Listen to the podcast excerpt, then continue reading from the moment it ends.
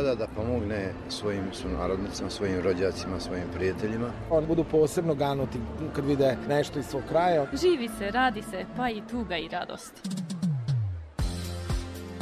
O iskustvima i postignućima naših državljana na privremenom radu u inostranstvu. Emisija Naši u svetu. Dijaspora poziva Maticu, Matica odgovara dijaspori. Granice ne postoje u mislima brižnih. Emisija Naši u svetu.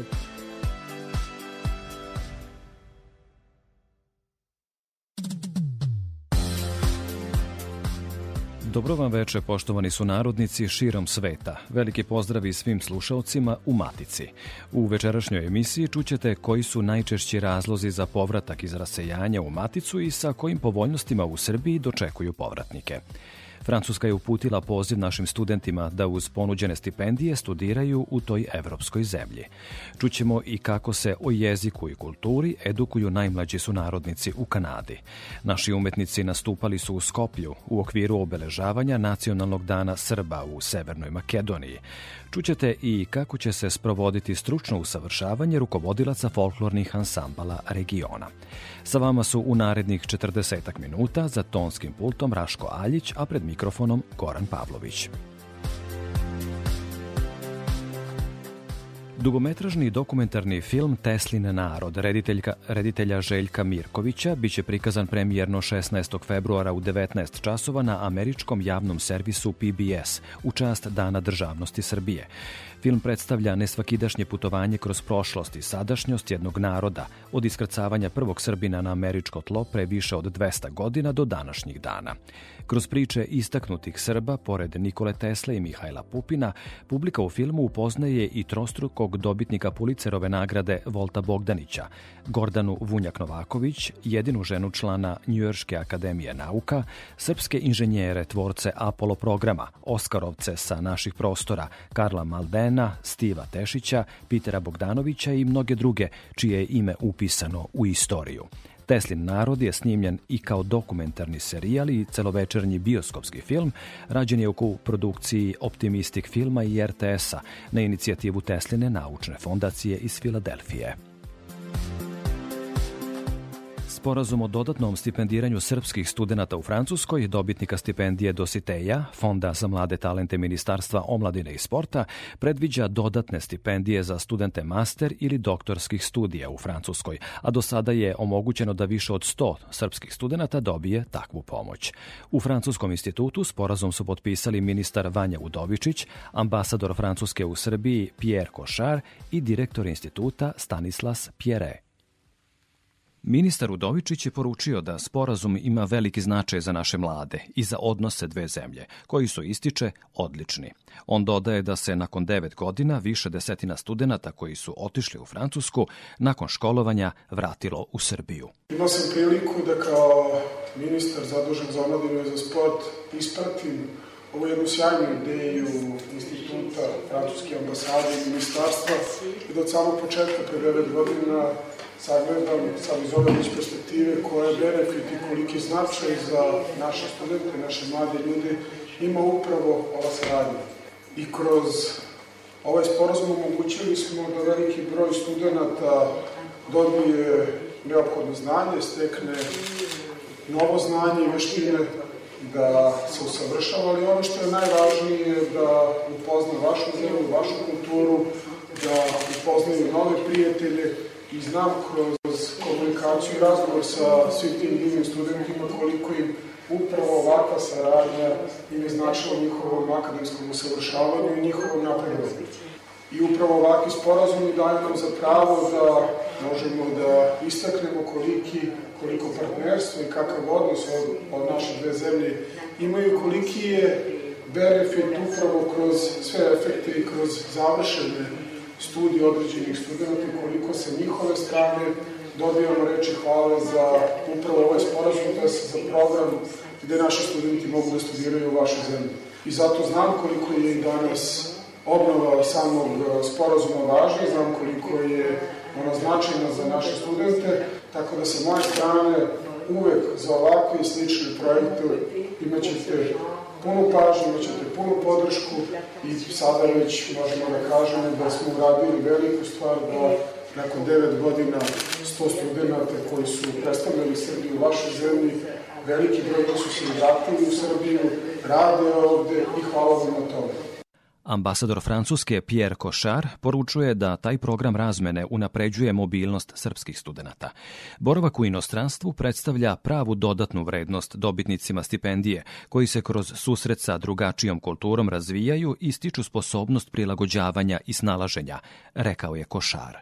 Alors, il y a deux choses en fait qu'il faut qu'il faut distinguer. Il y a le, le programme de bourse. Cilj programa nije da mladi napuste Srbiju, već da se nakon školovanja u Francuskoj vrate i zaposle u svojoj zemlji. Osim stipendija koje se dodeljuju u okviru partnerstava sa Ministarstvom omladine i sporta, ambasada Francuske godišnje dodeljuje i oko 20 stipendija za nivo Master 2 i za doktorate. Trenutno u Francuskoj imamo 40 stipendista. Reč je o 15.000 evra godišnje po studentu iz Srbije. Pozivam zainteresovane studente da svoje prijave pošalju do 28. marta putem sajta Francuskog instituta. Près du site de, de l'Institut français, ils ont jusqu'au 28 mars Dobitnicima stipendije Fonda za mlade talente Francuska dodeljuje dodatne stipendije koje pokrivaju troškove socijalnog osiguranja u toj zemlji i oni dobijaju status stipendista tamošnje vlade. Putanja koja povezuje postoji, treba je samo utabati. Emisija Naši u svetu. U skladu sa novim nadležnostima, Fond za izbegla raseljana lica i za saradnju sa Srbima u regionu pokrenuo je projekat stručnog usavršavanja za umetničke rukovodioce i igrače folklornih ansambala u regionu. Reč je o trodnevnim seminarima koji će biti održani u devet gradova u Sloveniji, Hrvatskoj, Bosni i Hercegovini i Crnoj Gori. O tome Biljana Kuriš. Folklorni ansambli su vrlo često najbolji ambasadori srpske kulture. Otuda i ideja da se Srbi u regionu povežu na univerzalan način i doprinesu razvoju kulturne baštine, kaže direktor Fonda za izbegla raseljena lica i za saradnju sa Srbima u regionu Duško Ćutilo. Zbog činjenice da je srpska narodna igra, narodna nošnja i pesma predstavljaju veliko bogatstvo koje imamo, želimo ovakvim projektom da i mi kao jedna institucija damo doprinos da sačuvamo ono što imamo i da pružimo i na ovaj način podršku kulturno-etničkim društvima. Partneri na realizaciji tog projekta biće nam Savez Srba Slovenije, Prosvjeta iz Hrvatske, Zajedničko veće opština Vukovar, Savez kulturno-etničkih društava Republike Srpske, kao i lokalne samouprave i lokalna kulturno-etnička društva. Radi očuvanja tradicije Srba u regionu, negovanje folklornog stvaralaštva je od izuzetnog značaja, ističe etnomuzikolog i etnokoreolog Vesna Bajić-Stojiljković. Dodaje da će zadatak tima u narednom periodu biti taj da prikupljaju stare zapise pesama i igara sa područja gde žive Srbi. Ideja jeste prosto da se osposobe mladi umetnički rukovodioci da nastave svoj posao, odnosno da oživimo uh, amatersko stvaralaštvo, da ga omasovimo i da pružimo na samom terenu znanje o narodnoj igri i muzici. Ovo je zapravo jedan originalan koncept, celogodišnji, dakle nešto što do sad nije bilo u, u takvom obliku realizovano, budući da su svi seminari bili organizovani u Srbiji, u različitim krajevima Srbije, ali nikada u regionu od strane organizacije kao što je fond. Ideja stručnog tima je da u narednih devet meseci obiđu region i predstave osim folklornog i tradicionalno stvaralaštvo Srba. Mi znamo u kom delu regiona nešto nedostaje i znamo šta se radi u određenim društvima, u određenim regijama, tako da je tim sačinjen od ovdašnjih vrsnih umetničkih rukovodilaca, koreografa, tako da ćemo raditi prosto trodnevne seminare koji će obuhvatiti oblasti vezano i za scensko stvaralaštvo, koreografiju narodne igre i za tradicionalno stvaralaštvo, kako primeniti sad seosku praksu na sceni, u koreografiji,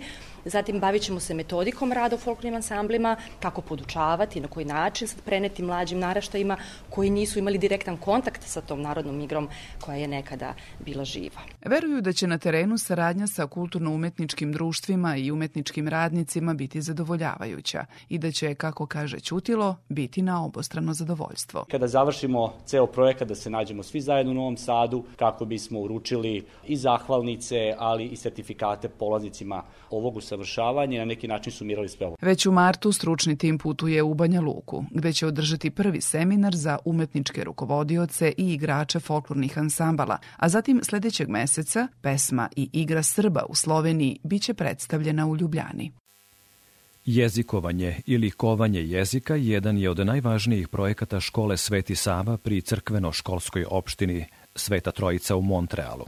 Uz pomoć Uprave za dijasporu i Srbe u regionu, ta škola je zajedno sa bibliotekom Stevan Jorgović u protekle dve godine organizovala niz radionica, kojima su deci srpskog porekla u Kanadi na zanimljiv način predočeni naša kultura i jezik. O tome Milijana Kočić. Na pitanje kako je došlo do ideje da se pokrene jezikovanje, koordinatorka škole Marija Đekić-Ivanković kaže da je sve počelo 2019. kada su ona i koleginica Mila iz biblioteke Stevan Jorgović razmišljale koji način učenja bi zainteresovao našu decu da usvoje srpski jezik i ćirilicu, pored francuskog i engleskog koji već govore u Montrealu.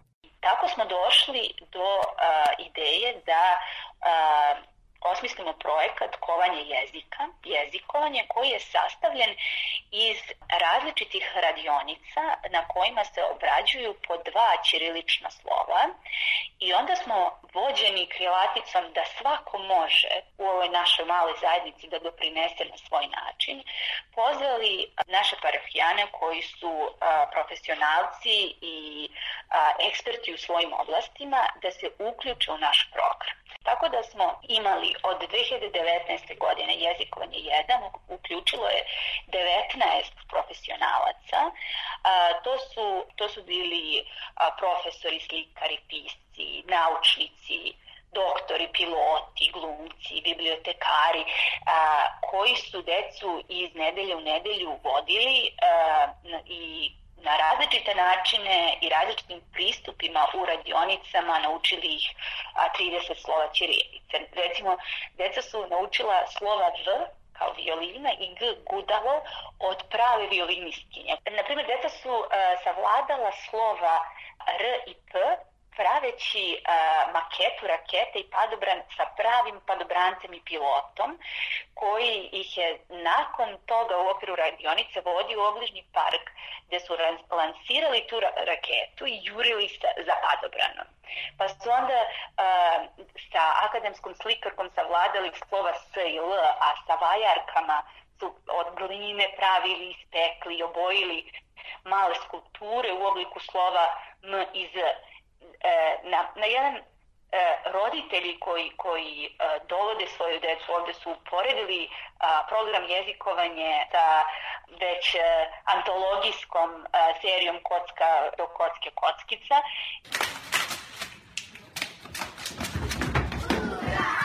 Srećan i ponovio se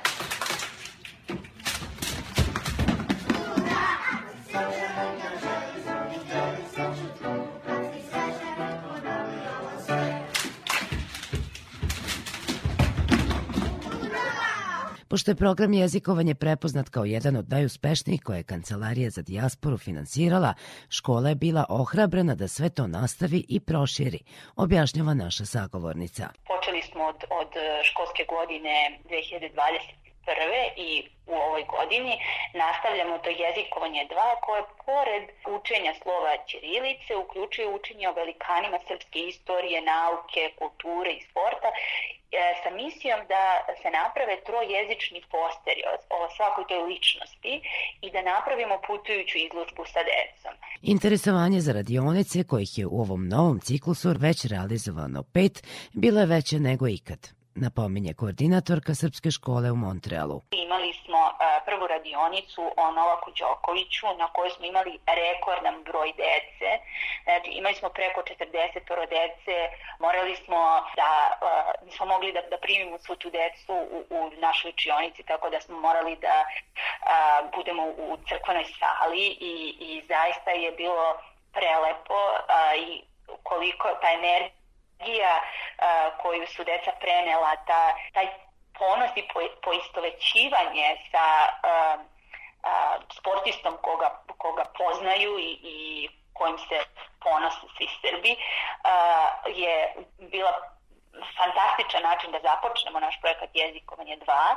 E, nakon toga imali smo radionicu o Desanti Maksimović, pesnikinji, a onda smo uh, imali radionicu o Čikajovi Jovanoviću Zmaju gde smo proslavili njegov 188. rođendan sa uh, malom grupom jastričkom gde, gde su uh, deca naučila pesmicu Džiha Džiha i, i uh, ja, jako uh, je, je bilo interesantno jer smo jer smo e, na kraju sastavili obe grupe i doneli tortu i a, proslavili Čika Jovin rođendan, a dok je velika grupa a, učila o, pored pesmica i o životu Čika Jove Zmaja.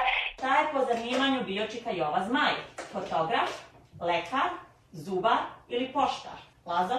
Lekar. Lekar je bio Čika Jova Zmaj, dakle nije fotograf, nije zubar i nije poštar. Tačan odgovor je lekar, bravo Lazo. Koliko dece je imao Čika Jova Zmaj? Dvoje, troje, petoro ili četvoro? Mila Ivanković? Petoro. Petoro. Da li možda znaš šta je bilo sa njegovom decom? Oni su imali oljene bolesne kao njegova žena. Bravo. Na kraju su svi a, dobili a, male riznice u kojima mogu da zapisuju i svoje pesme i, i to ih je inspirisalo da, da napišu jednu zajedničku pesmu na času a, koja se zove Moj brat. Moj brat. Mio i blag, on je veseo i drag. Moj brat je matematičar koji za pisanje ima dar. Ali igra igrice cijel dan da postane youtuber, to mu je san. Moj brat me voli i na prozoru me čeka dok sam u školi. Zbog epidemijske situacije radionice jezikovanja od kraja januara realizuje se online. Prva je bila posvećena Nemanji Raduloviću, o kojem je govorila violiniskinja iz Montrealske filharmonije. Srcem i dušom mekšamo setu jedni drugima. Emisija Naši u svetu. U nastavku emisije slede minuti posvećeni našoj redovnoj razmeni priloga o dijaspori sa kolegama iz emisije Večeras zajedno Radio Beograda 1. Krajem 2021. zabeleženo je da se broj naših državljana u dijaspori umanjio za 92.000 u odnosu na isti period prethodne godine, a pozitivan trend povratka naših ljudi iz inostranstva posebno je vidljiv u uzrastu mladih i visoko obrazovanih, čiji povratak su osim epidemije ubrzale i dobre poslovne prilike u Srbiji. U poslednje vreme imamo povećano interesovanje ljudi koji se svakodnevno javljaju da vide kako mogu da se vrate u maticu, saopštavaju iz programa za cirkular regularne migracije Srbije, tačka povratka. O tome kako se povratak realizuje u praksi i na šta naši državljani mogu da računaju ukoliko žele da se vrate u svoju matičnu zemlju, sa direktorom tačke povratka Ivanom Brkljačem razgovara urednica emisije Večeras zajedno Radio Beograda 1 Gordana Gligorić. Dobroveče Ivane. Dobroveče, hvala na pozivu. Razgovarali ste sa mnogim povratnicima, šta kažu, koji je to prelomni trenutak, prelomna tačka kada se donosi odluka? Vraćam se? Za, svako je, za svakoga je taj put povratka drugačiji, uglavnom su to neki lični razlozi, sada sve više vidimo i neke profesionalne razloge. Ono što, evo mi smo iz nekog istraživanja koje smo mi sproveli sa našim povratnicima, shvatili da ljudi uh, 40% njih bi se vratilo ukoliko bi imali, e, da kažemo, svoj nastavak svog karijernog puta od u Srbiji, tako da ukoliko se ukaže prilika, oni bi se vratili. Ali ono što svakako vidimo kao zanimljivu stvar jeste da ljudi e, intenzivno razmišljaju o povratku u onom trenutku kada dobiju decu e, i kada deca počnu da komuniciraju sa njima ili kada vide da se jednostavno gubi ta neka veza što nam je jedan čovjek rekao, pa možda to mogu da prenesem kao anegdotu, ali kao kada shvatam da moje dete ne, ne govori da, uh, jezikom mog oca. To je to je bilo njegov, njemu je bilo to da njegovi, njegov otac i majka ne mogu da se sporazumevaju sa njegovom decom.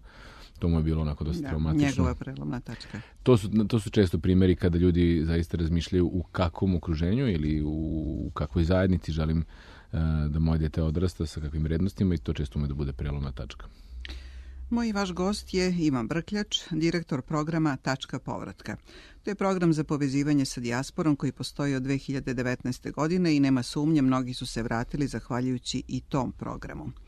U martu prošle godine objavili ste besplatan vodič za povratnike. Imate li podatke koliko je naših ljudi iz dijaspore do sada koristilo usluge vašeg vodiča za povratak? Imam, to je negde oko 22.000 ljudi koji, je, e, koji su u, koji razmišljaju o povratku, u procesu povratka su ili su se već vratili, a treba im još dodatno vreme ili im dodatne informacije da se aklimatizuju na novu, novu sredinu. Šta one koji razmišljaju o povratku najviše interesuje? Koje su to pitanja koja najčešće postavljaju? Stvarno imamo najrazličitiji dijapazon, najširi dijapazon pitanja, ali recimo to su uh, njihova poredska situacija ukoliko recimo još uvek rade za neke kompanije u inostranstvu. Zdravstveno osiguranje, bilo za sebe ili za svoju porodicu. A, koje su to konkretno prilike za, za posao, a, kako da prevedemo, kako da dovedu kućnog ljubimca, na primjer psa od 40 kila preko okeana, To su sve neka pitanja koja su njima vrlo bitna i svako zahteva poseban nivo pažnje, tako da mi sebe vidimo kao jedan servis e, da upravo odgovara na ta pitanja, jer za sva neka ta tipična pitanja kako se radi prijava boravka ili kako se vade dokumenta, to postoje neka i u okviru i na kraju krajeva i u našem, našem vodiču, ali postoje informacije koje to lako se to pronađe, ali ovako neke konkretnije stvari koje su specifične vezane baš za njih, to je onda malo, malo drugačije. Najavili ste krajem prošle godine i rad na poreskim olakšicama za povratnike. Šta je do sada urađeno? Pa sada, što se tiče poreskih olakšica, ukoliko se neko vraća iz inostranstva i više, dve ili više godine bio u inostranstvu i bio ili bila, e, a poslodavac je spreman da ponudi tom povratniku ili povratnici platu koja je tri puta veća od nacionalnog proseka, praktično taj povratnik onda dobija a, olakšicu e, delo je kao da na poslodavca ta olakšica, zato što se umanjuje porezi i doprinosi za 70%, um, ali to znači praktično da neki povratnik će imati veću neto platu u odnosu na bruto. E, to se takođe odnosi za ljude koji su bili, na primjer, na master studijama, samo godinu dana na nekom doškolovanju, um, isto ima umanjenje od poreza od, od 70% i u oba slučaja uh, ta povlastica traje 5 godina. Ono što je super jeste ukoliko, na primjer, neko se vrati iz Nemačke, bio je tamo pet godina, ovde dobije, dobije posao i nakon dve godine promeni poslodavca, ta osoba ima još tri godine da iskoristi taj posticaj kod novog poslodavca. Tako da je taj posticaj vezan za povratnika, a ne za poslodavca. Mlade iz dijaspore pozvali ste da vam šalju svoj CV. Naveli ste da imate kontakte sa velikim kompanijama kod nas i da mnoge firme preko vas tragaju za stručnim ljudima kada planiraju otvaranje novih radnih mesta u Srbiji. Da li to funkcioniše? Funkcioniše, da. Ne, naravno, u svakom slučaju, ne u svako, ne svako ko, ko nam se javi ne, dobi, ne dobije priliku za razgovor za posao, ali evo možemo da kažemo da smo u prošloj godini imali, na primjer, dvestotinjak ugovorenih razgovora za posao i 60 zaposlenja. To su neka, da kažemo, posredni naš, naš posredni doprinos za, za naše povratnike. Pored toga imamo, da kažemo, jednu automatizovanu verziju toga. Razgovarali smo i napravili mali projekat sa Infostudom kao našom najvećom platformom za zapošljavanje. Sada u ovom trenutku, ukoliko poslodavac koji traži novog zaposlenog iz lista i klikne u neku kuticu tamo u kojoj kaže tražim ljude sa internacionalnim iskustvom, taj oglas, taj posao taj oglas za posao se automatski izlistava na našem sajtu, to možete vidjeti na tačka povratka prilike za zapošljavanje. E, tako da je to praktično jedno svojevrsno mesto na kome naši ljudi iz dijaspore mogu da nađu poslove koji su upravo namenjeni našim ljudima u inostranstvu, to su ti ljudi koji imaju to internacionalno iskustvo. I to tu ima najrazličitijih od IT-a do nekih prevođenja, e, do nekih osnovnih poslova, tako da postoji jedna opet lepeza nekih poslova koje se nude našim potencijalnim povratnicima. Tačka povratka ima i podcast. Hoćete li da ga predstavite? Pa da, to je u principu ideja za podcast, eto, i sad smo u radijskoj emisiji, to je neka svojevrsna isto radijska, malo nekada i ekranizovana ova emisija u kojoj mi e, želimo da a, praktično a, izazovemo taj narativ. Kod nas se stalno postavlja pitanje zašto si se vratio. To je nekako kao, ja sam, eto, na primjer, 10 godina bio u stranstvu, mene su u prvi godina stvarno skoro svi pitali, pa zašto, zašto si ti vratio? Je ideja da predstavimo povratnike i ljude koji žive u dijaspori, a, da pričaju o svojim životnim iskustvima, profesionalnim iskustvima, da bi neko ko razmišlja o odlasku ili o povratku, video kako taj put konkretno izgleda. Da demistifikujemo ceo proces i taj defitistički pogled na i na odlazak i na povratak, da je kao da je kada odlazak nešto terminalno, kao da je finalno, kao da je povratak neki poraz. Migracije su sastavni deo modernog života i mi želimo kroz naš podcast da prezentujemo da je to potpuno ok da, da se ode, da je potpuno ok da se vrati i to naši, naši gosti i sagovornici i, i iznose kao negde, neke stvari su negde bolje, negde su, neke stvari su ovde bolje i mi želimo da svi koji donose odluku, tako veliku odluku o, o, o selitbi ili izvan Srbije ili van Srbije ili povratak u Srbiju, da jednostavno imaju prave informacije kada tu odluku donose. Od e, početka godine u okviru serijala Talenti na vezi poznate ličnosti među povratnicima pitate zašto provesti 2022. godinu u Srbiji. Ko je do sada učestvovao u toj anketi i šta kažu? Zašto treba biti u Srbiji barem ove godine ako ne i duže? Mm -hmm. Pa mi praktično to je uvod u nešto što mi spremamo za ovu godinu, a to je seriju tih i gostovanja u našim dijasporskim centrima sa temom zašto sledeću godinu provesti u Srbiji i sa pričamo tu i o povlasticama i olakšicama porezkim i o prilikama za startupe ili podizanje kapitala ili šta se to dešava u nauci, koje su to promene. Mi smo evo razgovarali kao pripremu za tu, tu konferenciju koju ste pomenuli, Talenti na vezi, sa Vanjom Grbićem, našim proslavljenim ubojkašem, koji je uh, iskazao svoje razloge zašto on danas živi i radi u, u Srbiji, kao i sa Jankom Tipsarevićem, opet proslavljenim teniserom, koji i obojica mogu imaju prilike da žive, rade, stvaraju svuda na svetu, međutim oni donose odluku da to rade upravo ovde. Mi smo u okviru te konferencije Talenti na vezi imali panel sa istim imenom, zašto sledeću godinu provesti u Srbiji, da upravo probamo da predstavimo koje su to sad stvari koje se dešavaju na našim ljudima, da imaju neko ko je pre 10-15 godina otišao, ne zna koliko su se neke stvari promenile. Zajedno sa nama večeras je bio Ivan Brkljač, direktor Tačke povratka. To je program za povezivanje sa našom dijasporom. U najavi emisije čuli ste da je preokrenut trend odliva mozgova iz Srbije, nema sumnje, da su mnogi odlučili da se vrate zahvaljujući programu Tačka povratka, preciznih podataka nema, ali nema sumnje da je tako. Ivane, da li održavate kontakt sa onima koji su se vratili? Da, a, i to radimo kroz, sad nažalost još uvek kroz naše online meetupe, kako se to kaže, gde odaberemo konkretnu temu i onda razgovaramo i sa ljudima koji su se vratili ili ljudima sa koji, koji su i dalje u inostranstvu. Ono što je svakako naš cilj, mi smo prvi, a za sada i poslednji konkretan meetup imali baš nakon te konferencije Talenti na vezi, gde smo pozvali ljude koji su se vratili, koji su sarađivali sa nama, da se okupimo i da se upoznaju. I nadamo se da kada ovo pandemija malo, malo ipak prođe, prođe će da za koji da, mesec, ja kažem. Pro, za koji mesec, da, da možemo češće da radimo to, zbog, i to, jedan, eto, jedno od naših planova je, e, razgovarali smo, do, dosta naših povratnika imaju partnere koji nisu iz naše zemlje, stranci su, potrebna im je ta vrsta povezivanja da znaju da postoje neki drugi ljudi sa sličnim nekim možda izazovima i problemima. Nije lako nekom strancu uvek u Srbiji ali ako ih je više, pa da kažemo mogu da se na toj liniji nađu, to, to može da bude vrlo značajno za njihovu, a na kraju dana i našu zajednicu. Tako da recimo to su stvari u kojima planiramo u budućnosti jer održavamo kontakt. Jer, e, znate, kada jednom uspostavite, mi ne uspemo da rešimo svakome problem. Za svakoga se potrudimo.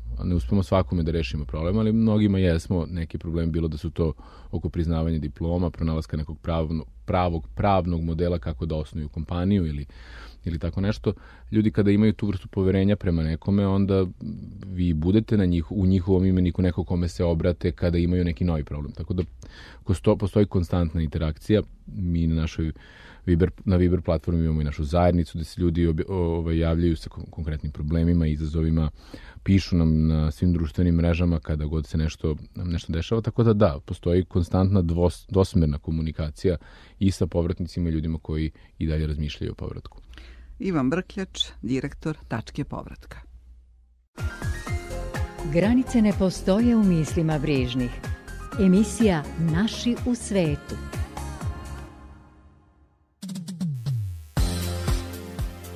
U Palati Srbija održan je sastanak predstavnika Međuvladine mešovite komisije za manjine Srbije i Rumunije. Direktor Uprave za dijasporu i Srbe u regionu Arno Gujon je izrazio zadovoljstvo činjenicom da su posle 11 godina od zasedanja poslednje Međuvladine mešovite komisije u Beogradu nastavljeni razgovori u cilju unapređenja saradnje u oblasti zaštite manjinskih prava a državni sekretar u Ministarstvu spoljnih poslova Nemanja Starović, ko predsedavao je sednici Međuvladine mešovite komisije, za nacionalne manjine sa Severnom Makedonijom. Predstavnici srpske zajednice u toj zemlji i makedonske nacionalne manjine u Srbiji upoznali su članove dve delegacije sa modelima njihovog organizovanja, izazovima sa kojima se susreću i načinima za njihovo prevazilaženje. U Skoplju je povodom Savindana nastupio veliki broj naših umetnika koji je predstavio umetnosti Srbije našoj dijaspori u Severnoj Makedoniji koja je na taj dan proslavljala i nacionalni praznik Srba u toj zemlji. Utiske sa druženja u Skoplju zabeležila je koleginica Jelena Malenkova iz srpske redakcije Makedonskog radija.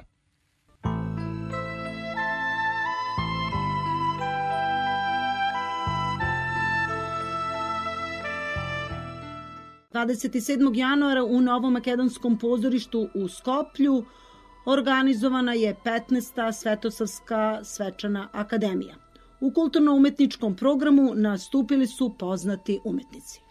Dramski umetnici Vladimir Jocović, Vesna Pavlović, poznati tenor Vojo Spasić, vokalni solisti, istaknuta umetnica Jelena Tomašević, Danica Spasović, Bojan Pavlović – i umetnički ansambl Ministarstva odbrane Republike Srbije Stanislav Benički. Zaustavi ovo rasipanje, saberi nas, vrati mrave u mravinjak, svetlost u svice, ribe u ibar vrati, laste u vetrove, ključ u katanac, vode u vodenice, volove u plugove vrati i pocrnelo crvenilo pozlati.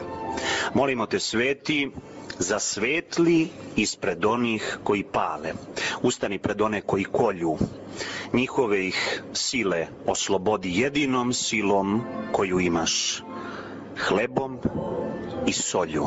Vladimir Jocović, glumac. Pre dve godine sam prvi put nastupao na ovoj svečanosti. Srećan sam što imam priliku da se bavim najlepšim poslom na svetu i što sam uopšte deo ove ekipe ovde u Skoplju. Korona je, nažalost, ostavila veliki trag, ne, ne samo u, u našem poslu, nego uopšte u celom svetu. Puno toga je otkazano. Mi smo morali da, naravno, radimo i da idemo napred sa nekom strepnjom, da li će ono što, što uradimo moći da se izvede i trudili smo se da nekako održimo korak i da, da ne ispadnemo iz cele priče koja se zove i trening i pozorište i umetnost. Za našu publiku radimo ono što je dobro. U svom rodnom gradu Čačku osnova omladinsko pozorište Morava teatar. Tako da ono što me trenutno ispunjava jeste rad sa mladima jer u okviru Morava teatra čiji sam osnivač i zastupnik radi škola glume.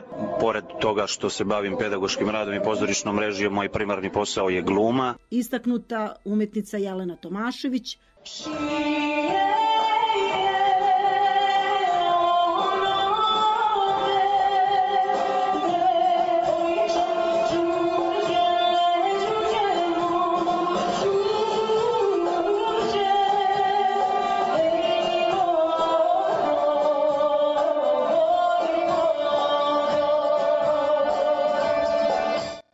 najlepše na tople dobrodošlici.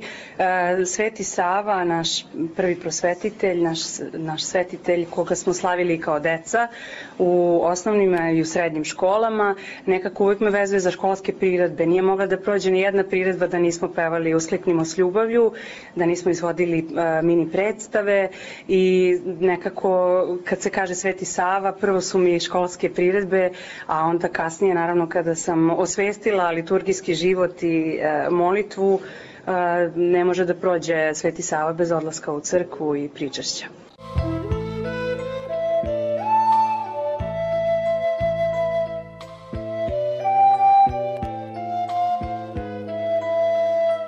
Magistar Vojislav Spasić, vanredni profesor univerziteta u Kragujevcu, operski pevač. Ja u Skoplju sam gostovao više puta i mnogo volim da dođem ovde. Ovo mi je srodno zato što sam ja nišlija. Kako da ne? Evo, mi smo u zadnjih mesec dana održali, mislim, četiri humanitarnih koncerta i to ne samo u Kragujevcu gde se nalazimo, mi da je naše sedište, već i u Čačku i u Beogradu i tako da uvek smo, uvek smo aktivni što se toga tiče. To u saradnji sa kolom srpskih sestara, sa velikim narodnim orkestrom iz Goce Nenada Milanovića.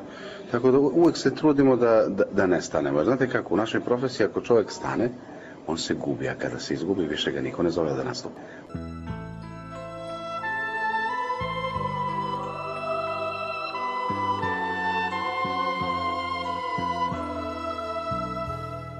Major Nikola Živković, načelnik umetničkog ansambla Ministarstva odbrane Stanislav Binički. Evo, mi smo sa zadovoljstvom treći put na ovoj manifestaciji tu i, i draž te neke interakcije publike i nas na, na sceni. Veoma je važno, mi smo tu negde upućeni na to, to je jedna od naših misija. Srpske kompozitore obavezno, naravno i, i kompozitore sa širih prostor, prostora Balkana, to je negde danas aktualno i u celom svetu, ali naravno negujemo i žanrove internacionalne muzike i eto, Stanislav Binički, naš uvaženi kompozitor je 1899. ustanovio Beogradski vojni orkestar. To nije bio prvi orkestar u Srbiji, ali je to bio prvi koncertni orkestar čiji smo mi sledbenici, dakle simfonijski orkestar na ovim prostorima mogao da izvodi koncerte i evo, to je već više od 120 godina tradicije i mi se zaista onako s ponosom obaziramo na to i trudimo se da почнувам ту традиција.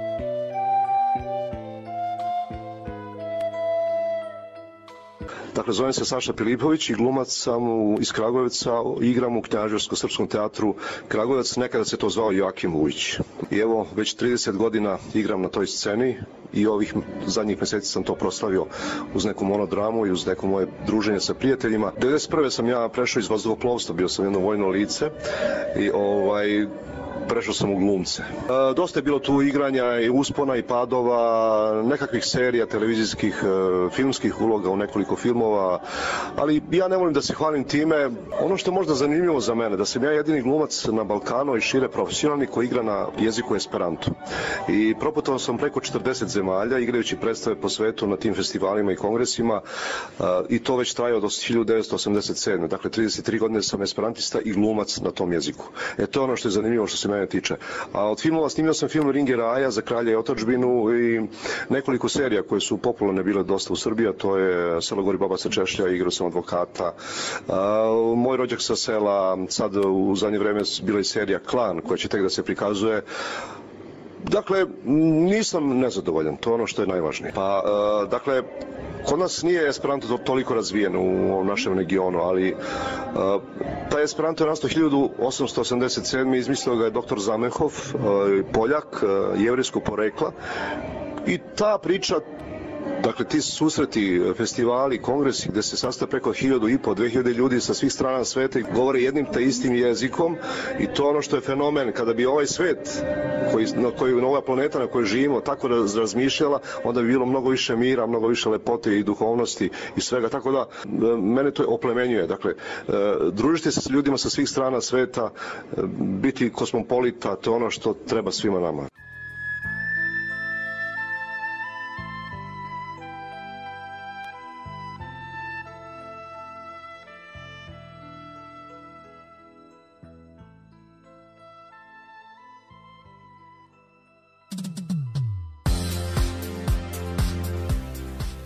Poštovani slušalci, u emisiji su vam u vezi Matice i rasejanja večeras pričali Milijana Kočić, Biljana Kuriš, Gordana Gligorić, Jelena Malenkova i Goran Pavlović.